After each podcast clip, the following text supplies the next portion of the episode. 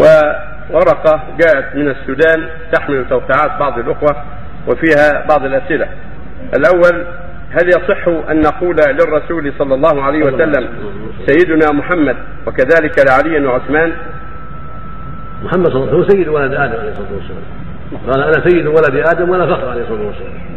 هو سيد الأولين والآخرين عليه الصلاة والسلام وليس في هذا شيء بل هذا حق.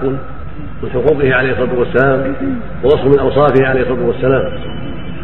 ولكن لما قال له بعض الصحابة يا سيدنا أنكر عليه قال أسيد الله تبارك وتعالى. خوفا عليه من الغلو. لما باشروه قال يا سيدنا خاف عليه من الغلو فقال أسيد الله تبارك وتعالى. قولوا بقولكم أو بعض قولكم ولا يستجرينكم الشيطان. فالنبي النبي صلى الله عليه وسلم خاف عليه من الغلو فأنكر عليه لما خاطبوه. ثم قال بعد ذلك عليه الصلاة والسلام كما في الأحاديث الصحيحة أنا سيد ولد آدم ولا فخر. وجمع بينهما أن قوله سيد الله تبارك وتعالى وإنكار عليه من باب سد الذرائع من باب حماية حماية التوحيد عن الشرك ووسائله. أو قال هذا قبل أن يعلم أنه سيد ولد آدم عليه الصلاة والسلام قبل أن يأتي الوحي بذلك. والسيد على الإطلاق هو الله جل وعلا لأنه مالك الأمور. جل وعلا ومصرف إلى سبحانه وتعالى. والسيد عند العرب الرئيس والكريم. نعم. وفي حديثكم ولا سيدكم وابن سيدكم اظن ولا شيء بهذا. قال في من انصار قوموا إلى سيدكم يعني معاذ سيد سعد بن معاذ. أيوه. قال لابنه لابنه الحسن بن ابن هذا سيد أيوه. هذه لا بأس بها. لكن إذا خطب به الانسان يا سيدنا فالأفضل أن يقول سيد الله تبارك وتعالى حتى لا يقع في الغلو. وحتى لا يقع في العجب بنفسه. آه، السؤال الآخر. يقول يا سيدي يا رسول الله. أما الدعاء لا يا سيدي رسول الله يدعوه يستغيثه ويدعوه هذا من الشرك.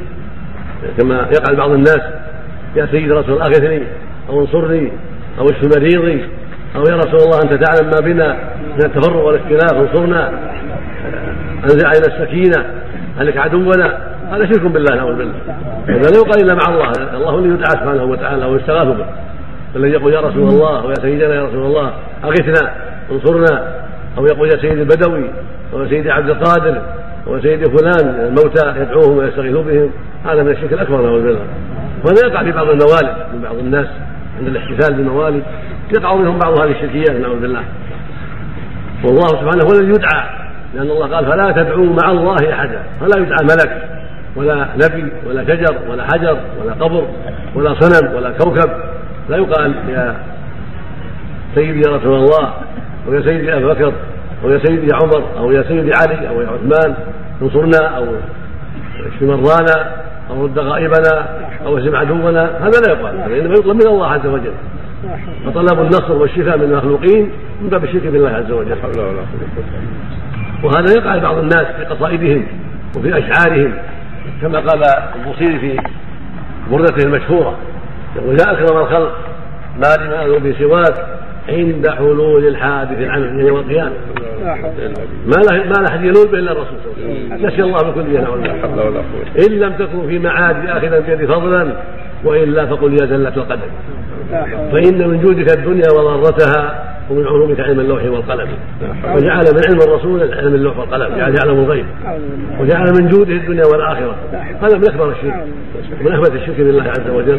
ومع هذا بعض الناس يتخذها ورد له يقراها في الصفره في الورد بدلا من الذكر ويأتي بها في الموالد مستحسنا لها ومعظما لها مقرا ما فيها من البلاء والشرك نعوذ بالله هذا كله من الجهل العظيم